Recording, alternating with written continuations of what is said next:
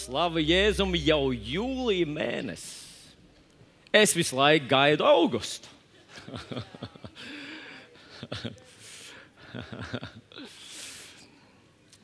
Jā. Jā, starp citu, gribēju jums parādīt vienu fotografiju. Arī Dārvids runāja par eh, misiju, par misijas mēnesi. Un, e, iepriekšējā nedēļā es biju liecinieks tam, ka grupiņa no mūsu draudzes uh, svinēja pie viena, re, pie viena svinēja kādu zīmīgu notikumu, pie viena arī piedalījās uh, šī notikuma praktiskā realizācijā. Un tie ir cilvēki, kas katru piekdienu, katru piekdienu uh, dodas uh, pilsētas ielās, Rīgas pilsētas ielās, lai evanģelizētu. Un šajā piekdienā es nevaru saprast, kāpēc eh, tūlītās mēs paskatīsimies to bildīt. Jā, rekur viņi ir. Tātad šajā piekdienā bija 200 evanģelizācija. Tātad četri gadi, tā grupiņa, protams, mainās. Tās sejas drusciņā, eh, kāds tiek, kāds netiek tajā reizītē. Bet neatkarīgi ne no kā, vai ir ziema, vai ir vasara, vai sniegs, vai lietus, vai ārā ir sāls, ir cilvēku grupiņa, kas katru piekdienas vakaru satiekās šeit, pulkstenis sešos, un tad septiņos pulkstenis. Eh, pulkstenis septiņos vakarā pavasarī tiekās pie brīvības pieminiekļa, dodas uh, ielās, lai uzrunātu cilvēks, lai uzrunātu cilvēks ar evaņģēlīju vēstu. Un jūs būsiet pārsteigti, cik ļoti labprāt cilvēki iesaistās sarunā. Protams, ne visi, uh, Ir daži, kas tā ļoti noraidoši un uzreiz izturās, kā vai dienu, ko jūs man atkal gribat iesmērēt. Uh, bet uh, ir ļoti daudz īpaši jaunieši, ļoti ieinteresēti ar pilnīgi greizu priekšstatu par Dievu, par evaņģēliju, par Kristu, vispār par to, kas tas ir. Un tad ir cilvēki, kas viņiem to uh, skaidro katru, katru piekdienu. Tu vari pievienoties viņiem, tā nav kaut kāda īpaša apmācīta svēto grupa, kā tur redzat, bildītē tie ir normāli cilvēki. Ja tu drīkst iebakstīt tam, kurš sēž tev blakus, salauz ledus starp jums, saka, tie ir normāli cilvēki. Citi vecāki, citi jaunāki iet ielās un stāsta tā, kā to māki izdarīt. Un raksturvieta, kas šajā nedēļā man uzrunāja ļoti atskurbinoši, ļoti uh, atbildību uzliekoši ir no otrās pētera vēstules, otrās nodaļas. Un tur pāris pantu es uzliku uz ekrāna to vienu pantiņu, to centrālo. Bet es nolasīšu tos pārējos arī. Un es ļoti gribētu, ka jūs ieklausītos. Tātad otrā pētera vēstule, otrā nodaļa no 20. panta. Jo, ja tie, kas pasaules gānekļiem, mūsu kungu un pestītāja Jēzus Kristus atziņā ir izbēguši, bet tanīs atkal iepīti, zaudē cīņu, tad viņu gals ir kļuvis ļaunāks nekā viņu sākums. Jo labāk viņiem būtu bijis, ka tie nebūtu atzinuši taisnības ceļu, nekā pie atziņas nākušiem nogriezties no viņiem uzticētā svētā baušļa. Bet viņiem ir noticis pēc sakāmā vārda patiesības. Suns atgriežas pie sava paša vēmekļa, kā arī cūka mazgājusies atkal vārtās dubļos. Lasot šo pēdējo pantu par suni, kas atgriežas pie saviem vēmekļiem, un cūku, kas mazgājusies atkal vārtās dubļos, es atceros to rakstvietiņu, kur Jēzus saka, nemetiet savas pērles cūkām priekšā un nedodiet savus dārgumus suņiem. Acīm redzot, par šiem cilvēkiem iet runa, tad, kad viņš saka to. Un tā doma, es nolasīšu vēlreiz 21. pāntu. Labāk viņiem būtu bijis, ka tie nebūtu atzinuši taisnības ceļu, nekā pie atziņas nākušiem nogriezties no viņiem uzticētā svētā baušļa. Tie, tas pāns ir vienkārši tāds, tāds uh, biedējošs, tas tā kā atskurbinošs. Nu, kāds varētu teikt, nu, redz, tāpēc es arī nesludinu cilvēkiem evaņģēlīju. Jo pēc tam, kad viņi pieņēmuši jēzus, pēc tam atgrie, atkāpsies, tad viņu beigas būs kļuvušas sliktākas kā sākums. Bet tas būtu tas pats, kas mēs neļautu piedzimt bērniem, sakot, dzīve ir tik ļoti grūta un tik daudziem no mums neizdodas. Un padomājiet, visas tās dzīves grūtības, visas dzīves garumā viņam nākās mirkšķināt, viņam nākās elpot, visu laiku ir jāēd, visu laiku ir jāmazgājas, un vēl vis, visāds bezgalīgi daudz bezjēdzīgas darbības tikai tāpēc, nu, lai dzīvotu. Bet es domāju, ka neviens no mums nevēlētos, lai mums atņemtu dzīvi tikai tāpēc, lai pasargātu mums, mūs no mūsu dzīves grūtībām un riskiem. Un šī izpratne par to, ka labāk nesludināt, jo ja cilvēki atkāpsies, viņiem paliks sliktāk, tā nav bibliska. Un tomēr, lasot šo pantu, es sapratu, cik ārkārtīgi svarīgs ir mans, mana misija. Cik ārkārtīgi svarīgi, lai es pareizi veiktu savu uzdevumu un savu pienākumu. Lai, ja kāds arī atkāptos, ja kāds arī atmes šo dievu doto dārgo bausli un aiziet prom no viņa, lai tas nebūtu manis dēļ. Un es lieliski atceros, kad es mācījos vidusskolā. Tad viens no priekšmetiem, kas man ar grūtībām padevās, bija geometrija. Es atceros, es iesāku no sākuma, viss bija ļoti skaidrs. Bet pēc tam es biju vienu mēnesi slimnīcā, un pēc slimnīcas atgriezos uh, klasē. Un tad notika tas, kas iespējams notiek ar diezgan daudziem draugiem. Es sēdēju tur, skatījos uz skolotāju, viņi kaut ko stāstīja, zīmēja tur, bet es totāli nesapratu, ko viņi dara. Viņi varbūt skatījās manās acīs, un es centos izlikties, ka jā, jā, jā, jā. turpini. Bet es biju pilnīgi ārpus spēles, ārpus saprāšanas. Tas viņa man neko nelīdzēja. Viņa faktiski radīja mani ar vien lielāku haosu. Un es ļoti negribētu, lai tā notiktu ar mums, ar tevi. Ka es tikai turpinu runāt, un tu sēdi, skaties uz mani un netiec mums līdzi. Man ļoti būtu palīdzoši, ja būtu dievkalpojums. Un pēc dievkalpojuma tu nesaprati, ko tu grib, vilni, gribēji pateikt. Pēc dievkalpojuma tu saki, vilni to doktrīnu, to, tas, ko tu izvirzīji, tas, ko tu teici, īsti neiet iekšā manā teoloģijā. Un tu vari uzrakstīt man ēpastu, vai tu vari pienākt, vai tu vari kādu draugu uzjautāt, vai tu varētu man paskaidrot. Tad es saprastu, ka man nav izdevies skaidri to izteikt, un es censtos to izdarīt labāk.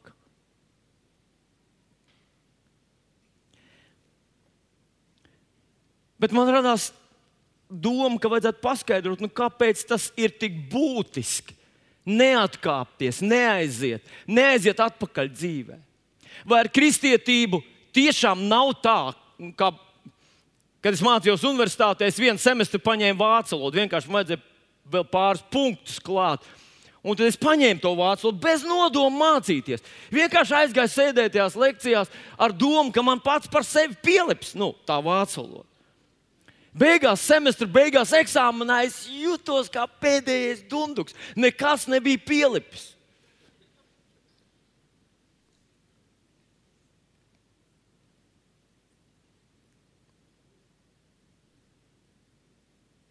Es gribētu, lai mēs visi kopīgi dotos kādā ceļojumā, saprastu, lai veidotu savu teoloģiju, ja drīkst to ielikt pēdiņā, savu skatu uz dzīvi. Tāpēc, vai tas ir svarīgi, kāpēc tas ir svarīgi, neaiziet no Kristus. Redziet, ja mēs varam nosaukt kristietību par vienu no reliģijām, tad viņi atšķirās no visām ļoti būtiski. Ar ko? Ar to, ka kristietībā nav kaut kādu rituālu, kaut kādu svētdarbību, kaut kādu rīcību kopums, kur tu iesāc darīt, un tad nometu, pabeidz un saki, ah, nē, es tomēr nedarīšu. Tas nav tā kā ar svaigēšanu, ka tu paēdi kādas divas nedēļas svaigēšanu, tad nē, es tomēr ēdna, ēdīšu tā kā visi. Un tavā dzīvē nekas nemainās. Kristietība ir attiecības ar Dievu. Kad tu nāc pie personas, tu nāc viņai un saki, es ticu tev, es paļaujos uz tevi. Es zinu, ka tu runā patiesību. Es uzticos, ka tu tiešām tas, ko tu saki, ka tā ir viena vienīga patiesība. Nu, paskatieties, man rokās ir Bībelīte. Par žēlu man, man ir ar elektroniskā veidā, un tad ir grūti to stādīties priekšā. Bet tā Bībelīte, kuru mēs ar tevi lasām, tā nav vienkārši kaut kādi raksti, atrasti kādā kumrāna salā, izvilkt ārā, un tad vienīgais viņu lielais spēks ir tas, ka viņi ir seni raksti, ka viņi ir nu, 4000, 6000 gadu veci. Nē, mūsu Bībelīte mēs nevaram redzēt šeit, bet patiesībā viņi ir ar asinīm. Viņi ir parakstīti ar asinīm no visām pusēm. Te ir vairāk desmit tūkstoši cilvēku, kas ar savām asinīm apliecinājuši, ka tas, kas te uzrakstīts, ir patiesība, ka viņi tajā ir bijuši, viņi to ir redzējuši. Viņi ar savām nāvēm, ar savu asins liecinieku. Asins liecinieks, tas ir no tās sērijas, ka vai tiešām tu nemelo mums? Ja tu uzstāji, ka tā ir patiesība, tev par to jānomirst. To ir izdarījuši desmitiem tūkstoši cilvēku. Vēl vairāk, šī Bībele ir parakstīta ar pašu Dieva dēla Jēzus Kristus asinīm. Vēl vairāk, Bībele ebreju vēstulīte mums saka, pašā, pašā sākumā, saka, ka Dievs iesākumā runāja caur praviešiem vecajā derībā, kuri visi riskēja ar savām dzīvībām. Lielākā daļa no viņiem tika vajāti. Viņiem Tas nesolīja vieglas dienas, tas nesolīja vieglu darbiņu, tas nesolīja vieglu peļņu. Tas nozīmē, ka visi bija skeptiski pret viņiem. Tas nozīmē, ka cilvēkiem viņi nepatika, valdošai varai viņi nepatika. Viņi tika vajāti, taisnība otrādi. Viņi izvēlējās grūtāko ceļu. Tas bija vecajā derībā. Jaunajā derībā Jēzus savus vārdus apstiprināja ar savām asinīm. Jau runāja par to dzīves laikā, ka es, tas, ko es jums saku, es par to pierādīšu, es to samaksāšu, es apstiprināšu ar savu nāvi un augšām celšanos. Vēl ebreju vēstulītē saka, ka Dievs ne, ne tikai Jēzus asins, Dievs darīja neparastus brīnumus, apstiprinot savu vārdu. Viņš to darīja Jēzus kalpošanas laikā, viņš to darīja apstuļu kalpošanas laikā. Mēs lasām, ka Pētera laikā notika neparasta brīnuma. Viņš gāja pa pilsētu un cilvēki lika ārā mi, slimos, un tur, kur viņa ēna uzkrīt šiem cilvēkiem virsū, tajā brīdī notika dziedināšanas. Kāpēc Dievs to darīja? Apstuļu ebreju vēstulītes autors saka, ka Dievs to darīja tāpēc, lai apstiprinātu, ka tie ir viņa darbi, tie ir viņa vārdi, tā ir patiesība. Citiem vārdiem, tas nav vienkārši raksts, kur eh, starp daudziem citiem eh, seniem rakstiem. Tas ir raksts, kurš ir apstiprināts no visām pusēm ar cilvēku liecinieku asinīm. Tā ir patiesība. Un kad mēs to pieņemam, kad mēs to pieņemam, mēs sakām, Dievam, es ticu tev, es ticu tavai liecībai. Es novērtēju, es asiņu parakstus šīs grāmatas. Jā, es pieņemu tevi, tu esi mans glābējs, mans dievs, tu esi mans cerības avots, manas dziedināšanas avots, manas mīlestības, manas dzīves jēgas avots. Un tad, kad mēs atkāpjamies, Mēs viņam sakām, es tev neticu. Es klausos, ko tu saki, bet neusticos tev. Es saku, ka man nepietiek ar to visu asinīm, ar kurām šī grāmata ir parakstīta, un apzīmogota un apstiprināta. Es apšaubu to visu. Tāpēc tas ir ļoti personīgi. Tas ir tā, kā tu dzīvo ar cerību. Un tad aizmirst un izmet to cerību. Tas ir tā, kā tu gribēji mīlēt, un tad pārsvītrot to mīlestību. Tas ir tā, kā tu uzticējies, un tad saki, tev nevar uzticēties. Tas ir ļoti, ļoti personīgi un ļoti sāpīgi. Un man gribas teikt, ka tādam cilvēkam viņš faktiski viņš ir it kā sev parakstījis tādu uh, depresīvu dzīvi. Viņš jūtas, nu, varbūt viņš tā atklāti nepasaka, bet viss, kas viņam ir palicis, tas ir moderna gaļas kombināta nodeļa, kur ir visi labi apstākļi, ir siltums, gaiss un ēdināšana normāli un, un var izkrieties, bet beigas ir nožēlojams un drūms. Cik arī laba nebūtu dzīve. Un Kristietis, kurš atkāpjas no Dieva, kristietis, kurš aiziet un sāk dzīvot tādu parastu cilvēka dzīvību, intuitīvi viņš zina, ka beigas ir sliktas. Intuitīvi viņš zina, ka viņa labākās dienas ir viņam aiz muguras. Nerunājot par to, ka viņš kļūst par ļoti sliktu liecību. Un tāpēc es no savas puses ļoti gribētu darīt visu, ko vien es varu, lai tu nekad neatkāptos, lai tu neapšaubītu viņa vārdu patiesumu. Un es šodien gribu drusku atskatīties uz to, ko mēs šajā mēnesī esam runājuši. Es ļoti ceru, ka, tev, ka man izdosies atgādināt tev tādas svarīgākās lietas. Un tie ir uh, četri dievkalpojumi, kurus mēs, uh, kurus mēs esam kopīgi pavadījuši šajā iepriekšējā uh, jūnija mēnesī. Uh, mēs sākām ar, ar uh, dievkalpojumu, kur bija, kur nosaukums bija Dievu labākais. Labākais, kas Dievam ir, Mēs tāpat pirms vakarēdienas runājām par to, ka tas, ko, mēs, ko Jēzus iedeva mums, tas ir labākais, kas Dievam vispār ir. Un tad rakstvietiņu mēs lasījām par Jānu Kristītāju no Mata evanģelijas 11. nodaļas, kur Jānis Kristītājs atsūta savus mācekļus un saka viņam, vai tu esi tas, kam jānāk, vai mums citu gaidīt. Un tad atcerieties, ko Jēzus viņam liek atbildēt.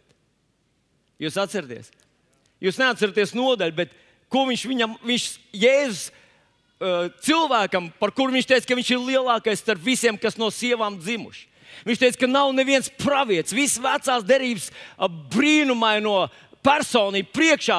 Jānis Kristītājs ir vislielākais. Un šis vislielākais vīrs ir sācis šaubīties. Un tad Jēzus viņam atgādina rakstvietiņu no Jēzus grāmatas, ja nemaldos, tā bija 35. nodaļa, kur viņš atcitē tos vārdus. Pasakiet, ko jūs redzat, akli redzat, tīzi lieta, kur dzird, un nabagiem tiek sludināta prieka vēsts, un svētīgs ir, kas neapvainojas. Mēs nezinām Jāņa reakciju, bet mēs zinām, ka tas ir labākais, kas Jēzum bija. Viņa vārds. Viņš deva to Jānim kā maizi, kā spēku, kā dziedināšanu, kā žēlastību. Un tas labākais ir arī tas, ko viņš ir devis mums. Tātad Dieva labākais ir viņa vārds. Mēs lasījām pirmo psalmu, ka tas, kurš ir eh, vīrs, kurš pārdomā tā kunga vārdu dienām, naktīm, ir līdzīgs kokam, kas stādīts pie ūdens upēm. Jā. Tad nākamajā svētdienā bija Alans Plats. Jūs atceraties? Jā. E, man ļoti patīk Alans Plata frizūra, un, un es eh, lēnītēm sekoju viņam šajā virzienā. Es novilku savu žaketi. Un Alans Plats runāja par pamatā par vienu galveno tēmu. Viņam bija pilnība Kristū. Un tad viņš runāja par to, ka ebreju tautā ir bijusi tāda uh, adopcijas rituāls, adopcijas rituāls. Tad, kad bērns piedzima, viņš tika saukts par, par mm, uh, ne, viņš tika saukts par, par bērnu. Jā, nu, mums, latviešiem, ir grūti, mums bērns ir viss, vai ne? Bet tur bija savādāk. Bērns bija bērns. Un viņš kļuva par dēlu tikai tad, kad viņš sasniedz kaut kādu no, noteiktu kondīciju. Tas bija tāds īsts rituāls, tie bija milzīgi svētki. Tas bija ļoti svarīgs notikums ģimenes dzīvē, kad dēlu pasauca, dēlu pasauca, un tad, un tad tas rituāls ietvēra divas lietas. Tā pirmā lietiņa, jūs atceraties, viņam uzvilka tādu tā mantiju, uzvilka tēva dotu tādu īpašu sagatavot tādu mēteli, tā kā apmetni, kas, kam vajadzēja simbolizēt, ka viņš nu, ir ģimenes loceklis. Un tad otra lieta, tēvs sauca, izsauca. Tas ir mans dēls, tas ir mans dēls, tas ir mans dēls. No šī brīža bērns kļuva par dēlu.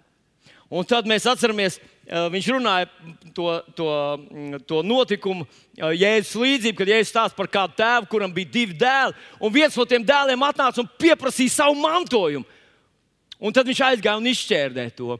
Un man, ziniet, pat, pat uh, manā tajā kristīgajā paurī likās, ka li sliktāks par to notikumu, ka viņš izšķērdēja to visu, ir tas, ka viņš pieprasīja to mantojumu. Viņš bija matkārīgs, vai ne? Tā, ne pirmais, ko es būtu viņu norājis, būtu teicis viņam nevis, kā tu drīkst visu to izšķērdēt, bet kā tu drīkst pieprasīt kaut ko, ko es esmu visu dzīvi vācis un krājis un tā tālāk. Bet izskatās, ka tur vispār ar to nebija problēma. Un tas otrs brālis tas neko nepieprasīja.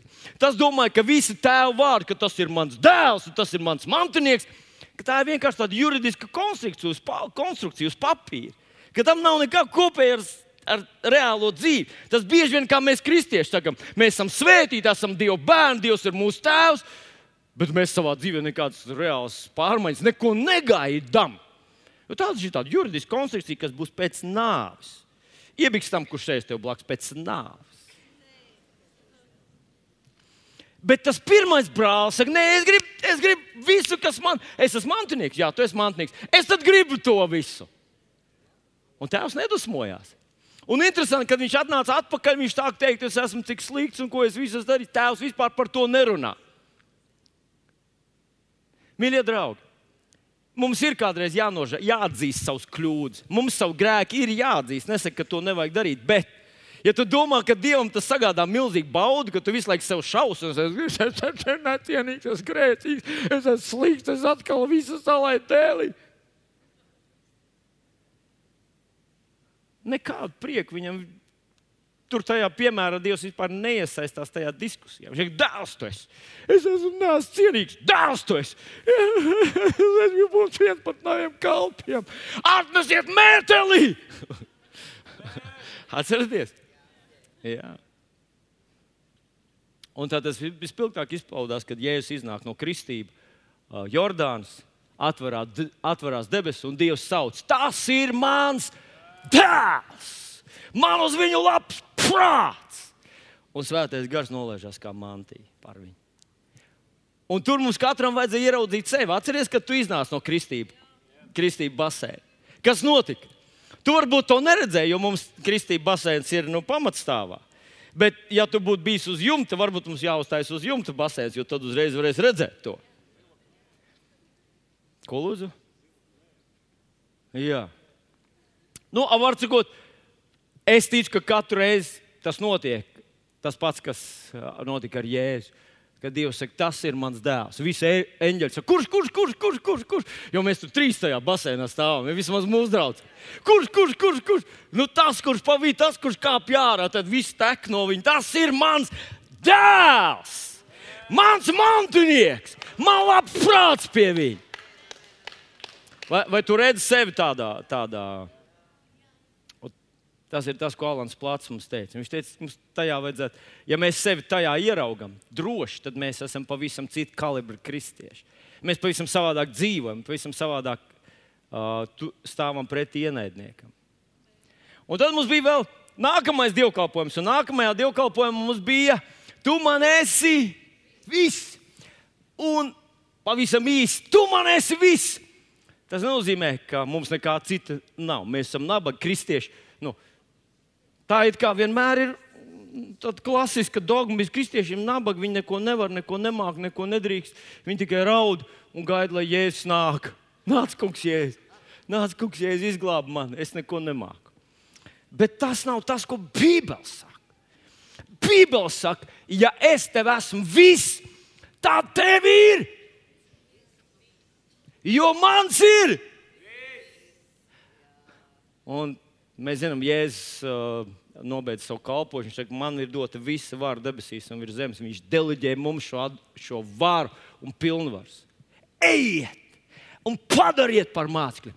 Ejiet, jūs esat manas rokas, manas kājas. Jūs esat manējie. Halleluja! Ejiet un uh, dariet par mācekļiem. Un tad iepriekšējā svētdienā, pagājušajā svētdienā, nu, to jau nu gan visi atcerās, vai ne? Kas bija skolā, bija kāds? Par priecīgiem 70 mēs runājām. Priecīgie 70. Un Dārvids jau mums atgādināja, viņš teica, ļaunie gāri mums padodas. Tas bija kaut kas fenomenāls. Tā nekad agrāk nebija bijis. Nekad tas nebija noticis. Un no šie 70 saka, ļaunie gāri mums padodas tavā vārdā. Un tad Jēzus saka, jā, es zinu. Es, es esmu jums devis, Lūkas 10, 20. Es esmu jums devis varu un spēku, ka jūs varat kāpt virsū čūskām un skarpiem un katram ienaidnieku spēkam, un viss tas jums nenieka. Saka, nenieka. Saka, nenieka. Čūskām un skarpiem un katram ienaidnieku spēkam un nekaitēs tev. Redziet, tur nav rakstīts, ka, uh, ka viņi ieraudzīs tevi un bēgs. Tur rakstīts, ka tu kāps virsū. Tas nozīmē, ka tev jānāk klāt, tev jāpaceļ savu kāju un jākāp virsū. Tu tā kā, ziniet, kādreiz, kādreiz šķiet, ka kristieši gribētu tādu lienošo kristietību. Un lienošā kristietība ir nevis, kad mēs kaut ko darām, bet mēs tikai sakām, kungs, paldies, paldies, paldies. paldies. Un tas tā, un tā kā galerts lēnām izplatās uz visām pusēm. Bet kristietība ir konfrontācijas ticība, garīgas konfrontācijas. Tas nozīmē, ka tu ej pie tās čūskas un skorpiona, kurš lien tavā mājā, un tu liec savu mazo kāju virsmu. Man ir 42. izmērs, varbūt tev ir 32. varbūt tev ir 15. varbūt tev ir 10. Pilnīgi vienalga, bet tev jāliek to savu mazo kājiņu virsmu. Kas param vislabāk? Viņam ir laikam nu, pēdējais izmērs, kāds ir.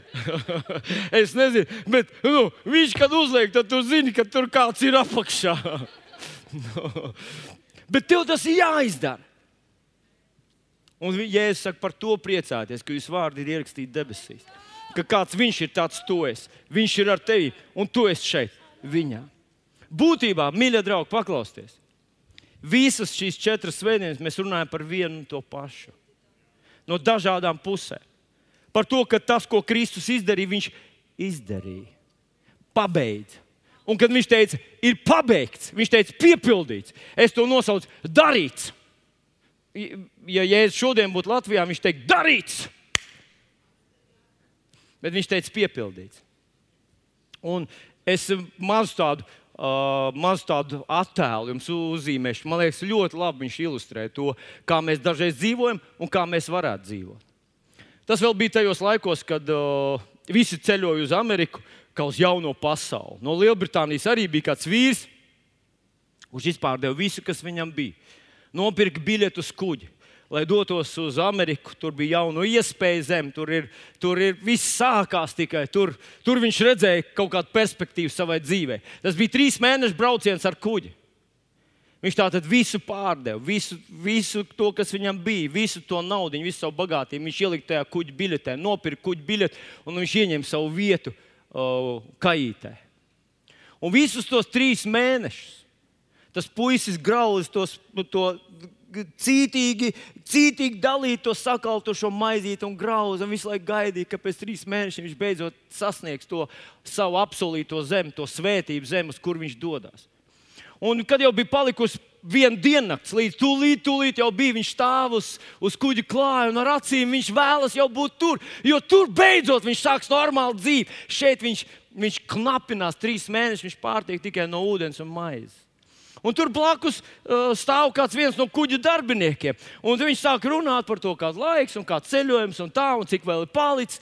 Un tad tas kuģa darbinieks jautā, nu, uh, ser, nu es, es kaut kā neesmu jūs ievērojis. Uh, nevienā no restorāna reizēm. Es varu palaist garām, bet trīs mēnešu laikā man vajadzēja ievērot jūsu sēņu. Un tas cilvēks saka, jā, nu, ziniet, nu, man ir tāda situācija, ka es visu savu naudu iztērēju par to kuģu biļeti. Man neatlika nekas vairāk, ko es varētu aiziet uz restorānu, normāli cilvēcīgi paēst. Paigi grūts ceļojums bija. Un tas kuģa darbinieks saka, bet, sir, vai tad jums nepateica, ka tas bija iekļauts jūsu izmaksās. Tas kaīts izmaksās bija iekļaut trīs reizes ēdināšanu mūsu kuģa uh, restorānā. Un, zinat, ta, tas ir tas, ko Bībele mums saka. Ka mums tas ir iedots. Mums Dievs to ir iedevis.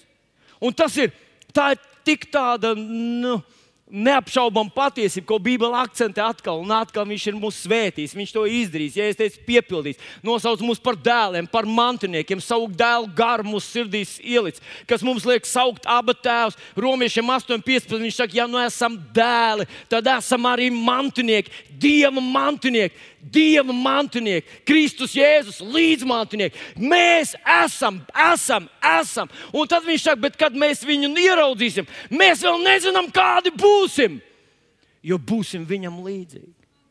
Tas nozīmē, viņš saka, mēs esam bērni jau šeit. Dievs ir mākslinieks parūpēties par saviem bērniem. Kad mēs būsim tur, tad tas vispār būs. Mēs nestādamies priekšā, kā tas būs un kas mēs būsim. Bet vilni, nu, mēs to neredzam. Es to savā dzīvē neredzu. Kāpēc es to neredzu? Un tagad tas lielais, ko es gribu likt akcentu uz to, mīļais draugs. Bībel, biblisks koncepts ir, ka Dievs to ir iedevis. Jau dziedināšana, jau iesai uzrakstīja, vēl pirms, ilgi pirms tas notika. Viņš, viņa brūcēs, jūs jau esat dziedināti. Jums jau ir piedots. Viņš uznes jūsu grēku savā miesā pie stabla, jūsu grēkiem miruši dzīvot taisnībā. 1. pētera 224. Jēzus 53, 5. Viņš bija vainots mūsu pārkāpumu dēļ, mūsu grēku dēļ satriekt. Mūsu sots bija uzlikts viņam, mums par atpestīšanu. Ar viņu brūcam jūs esat dziedināti. Ko tas nozīmē? Vai tas nozīmē, ja mums tas ir iedots, vai tas nozīmē, ka viss, nu, tas, kas ir, tas ir Dievs, vairāk neko nedos? Vai tas ir tas, kas man jāsaprot?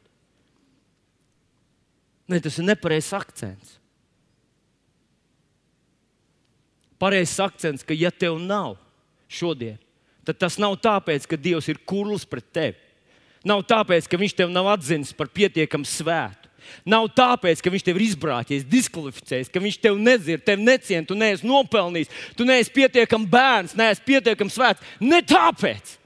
Otrā, Dievs tev iedeva pirms tu sāki visu šo savu svētumu, rādītājs, visus savus sasniegumus, pirms tu sāki vispār darboties tajā jomā. Viņš deva tev Jēzu Kristu, kad tu saņēmi Jēzu par savu kungu, tu dabūji visu līdz ar viņu. Tas nozīmē, ka tu neesi mācījis paņemt. Paņemt. Un man ir mazdēls, Eliots. Viņš kaut kur ir mazs, brīnišķīgs, fantastisks puikiņš. Viņam maza, maza roķela.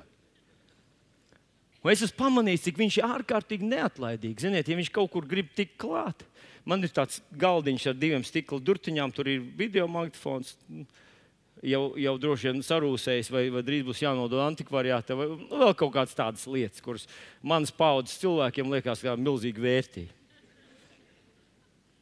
Un es vienmēr esmu ciet, lai viņš netiek klāt. Tur nav neviena ar kā. Bet viņš, viņš ņemās ap to skapīt, kamēr viņš dabū viņu vaļā. Un viņam, ja viņš atnāk, ja tas ir cieta, tas ir pirmais, uz kuriem viņš iet. Viņš tam mazam roķelim ņemās, ņemās, ņemās, ņemās, ņemās, ņemās baksta. Kamēr viņš dabū to vaļā. Es domāju, mums vajadzētu kristiešiem mācīties no, no tā puikiņa ka viņš zina, ka viņ, viņam to jādabū. Mēs divreiz pamanām, nu, nu jā, laikam jau tas vēl nav tavs laiks. Laikam, laikam, kungs, nav tavs prāts. Ko tu man ar to gribi pateikt? Un vēl viņš tev grib pateikt, ka tu esi necienīgs. Paskaties uz sevi. Ziniet, kur ir bīstami skatīties? Uz sevi. Neskatieties uz sevi. Jūs vilsieties vienā gabalā, vai, vai, vai. Kamēr mēs bijām jauni, mēs stāvējām pie spoguļa. Es atceros, es, es, es domāju, cik tā var pogāt vaļā kraklu. Stāv tramvajā, it kā nekas nebūtu bijis. Paskatieties, ja jūs redzat, ziemā kāds iet mazajā krekliņā un šortiņos. Viņš ir pavadījis gadus pie spoguļa stāvā. Un tagad viņam ziemā nav augsts, viņš iet visur.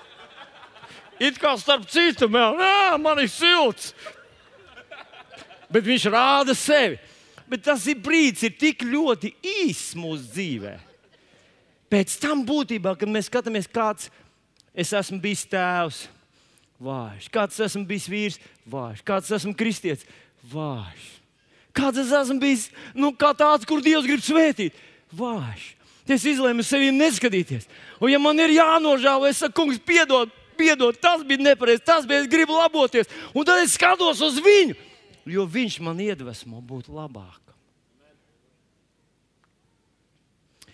Ja tev kaut kas nav, tad tas nav tāpēc, ka Dievam žēl, vai viņš ir kurls, vai viņa vārds nav patiesa. Bet tas ir tāpēc, ka tev jāpaņem. Un ar vienu raksturvietiņu es gribu šodien nobeigt. Tā ir no pirmās vēstures korintiešiem. Apstults Pāvils runā par vakarēdienu.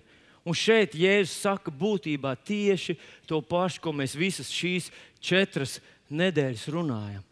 Par to, ka tu esi uh, īpašs, ka Dievs salīdzinājis tavus noziegumus, piedevis tavus grēkus. Viņš tev neatmaksā pēc taviem svētuma rādītājiem. Viņš tev ne, nemaksā pēc taviem sasniegumiem, viņš tev maksā pēc sava dēla milzīgās mīlestības, kādu viņš tev ir dāvinājis. No 1. korintiešiem 11. nodaļa, es lasu šeit no 23. panta. Jo no tā kunga to esmu saņēmis, ko arī jums mācīja, ka tas kungs tajā naktī, kad tika nodots, ņēma maizi, pateicās pārlauz un sacīja: Ņemiet, ēdiet, tā ir mana miesa, kas par jums to dod. To dariet man pieminētam. Tāpat arī biķeri pēc vakarēdienas sacīja: Šis biķers ir jaunā darība manās asinīs.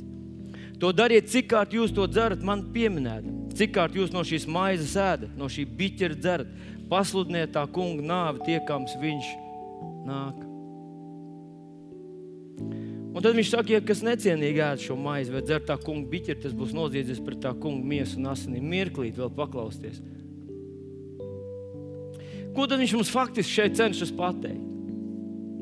Viņš saka, ka šis biķers reprezentē jaunās derības asinis. Pāvils šo biķeri nosauc par svētības kausu, svētības biķeri. Atcerieties, ir tāds filmas, visas tādas amerikāņu filmas par svēto grālu, kur visi meklē un grib iedzert no tā grāla, jo tad viņi iegūs nemirstību. Šis ir tas grāls, tas ir tas svētības biķers. Tas svētības biķers, kurš, kurš ir jaunās derības asins.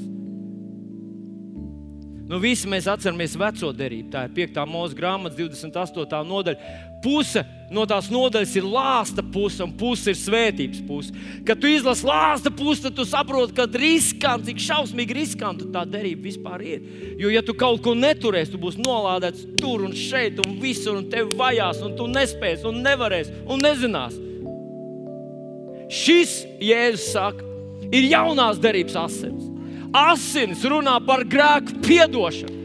Ja viņš teica, vecajā derībā, ebreju vēstulīt mums saka, vecajā derībā lopu asins nespēja iznīcināt grēkus. Tās tikai atgādināja, ka tu esi grēcinieks. Jaunās derības jēzus asins vienreiz un uz visiem laikiem izdzēs tev grēku sarakstu.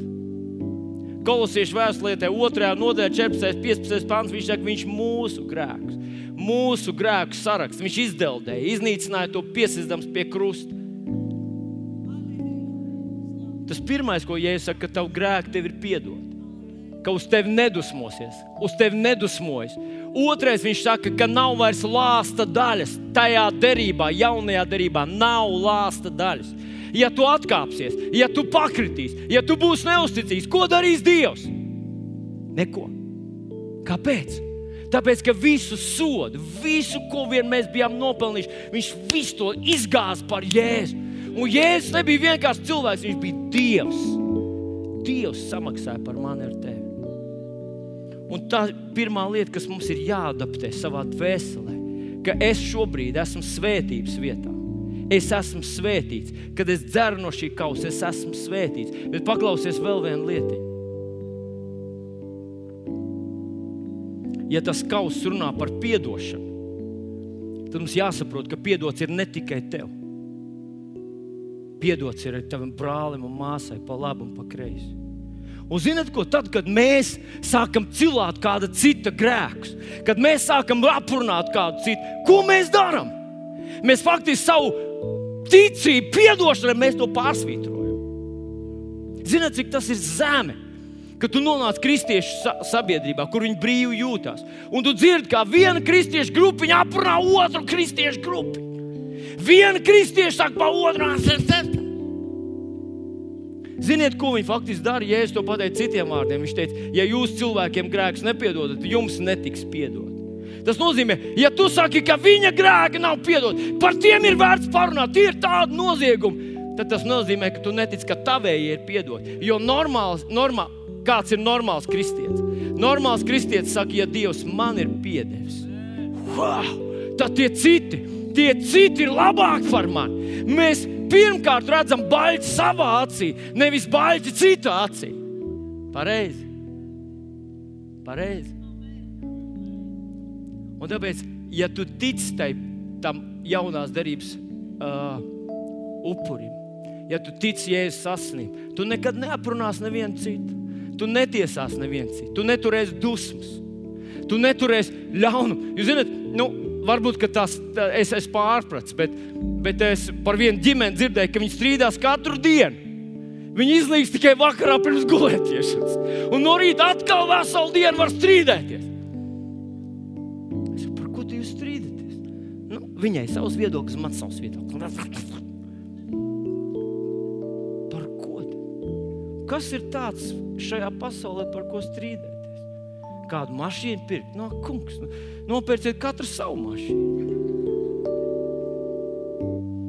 Vispirms nopērciet sievai mašīnu, lai viņa ir laimīga. Laimīga sieva, es jums teikšu, tā ir tāda svētība mājās.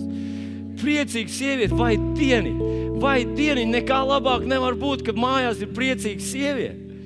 Es to baudu jau gadiem ilgi, un es vienkārši Tas ir labākais, kas var būt. Vīri mīliet savus sievas.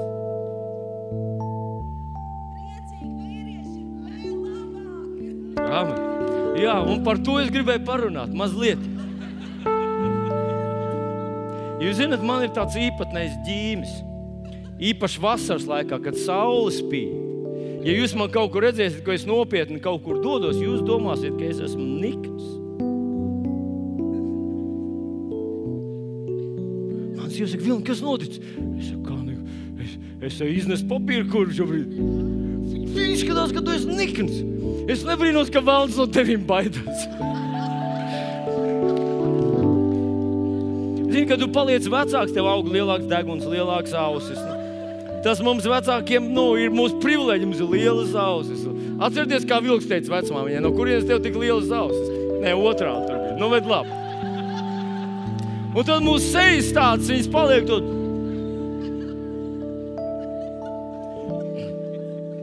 Un tu varētu teikt, Vilnis, gan ir nikns un ļauns. Bet es tāds neesmu. Es esmu tāds kā sudraba zvaniņš. Man tikai nu, deguns garš, ausis lielas izaug.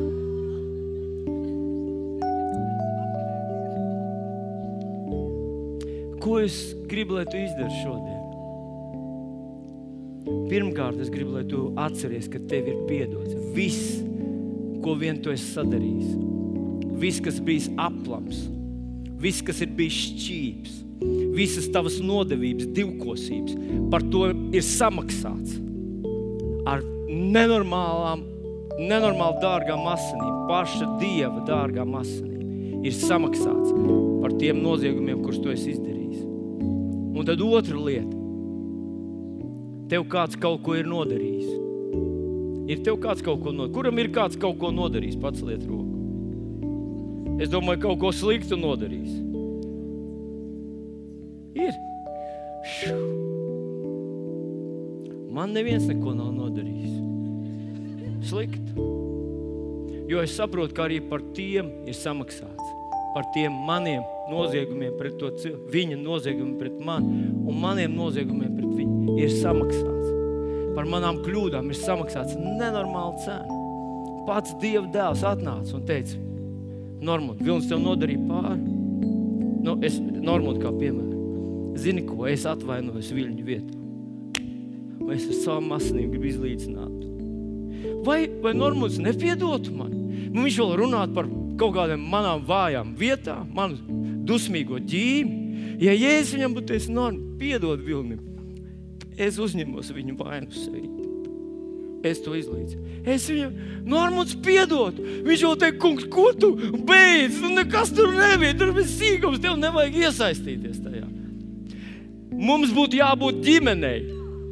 Mums būtu jābūt tādai ģimenei, ka mēs zinām, ka viens mums ir vājības. Mēs taču zinām, mums visiem tādas ir. Mums visiem ir netīrā veļamājas. Mums visiem ir kaut kāda, kur mēs nesaprotam, nejūtam, nemākam. Un tad gribam un izdarām aplam. Mums visiem tas ir. Mums vajadzētu to piedot viens otram. Jo Jēzus ienāca pa vidu un teica, pielīdzini to man. Kā Pāvils kaut kur rakstīja filmā, pielīdzini man to. Ja viņš tev kaut ko nodarīja, pielīdzini to man. Un mēs sakām, kungs, halleluja, halleluja, halleluja. Nekas tur nebija sīkums, nav vērts runāt. Taču. Vai, vai ir tā? Jā. Un tad viņš teica, un tā maize ir mana miesa. Viņa miesa tika salas, sadragāts, sasist, iznīcināt, lai tu tiktu dziedināts. Viņa miesa, tava miesa. Ne par mūžīgo dzīvību tur ir runa. Viņa plūcēs, tu esi dziedināts. Vēl mazs mas jautājums.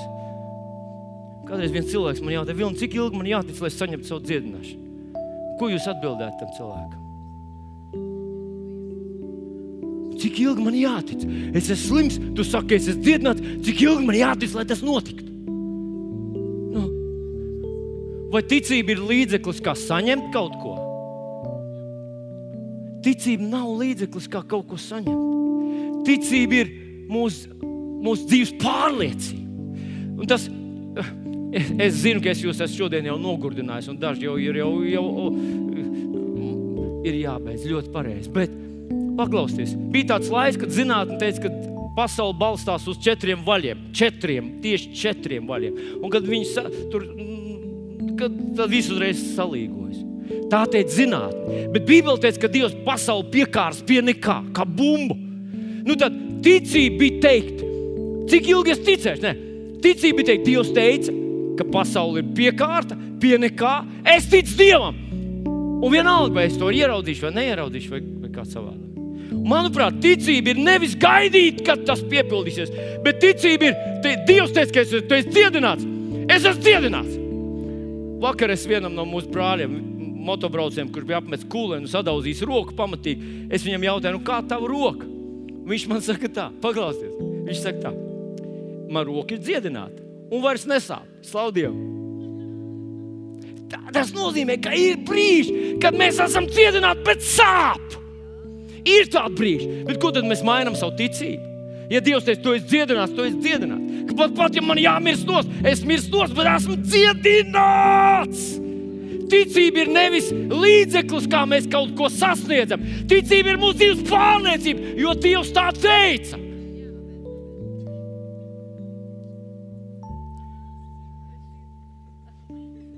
Es beidzu visu.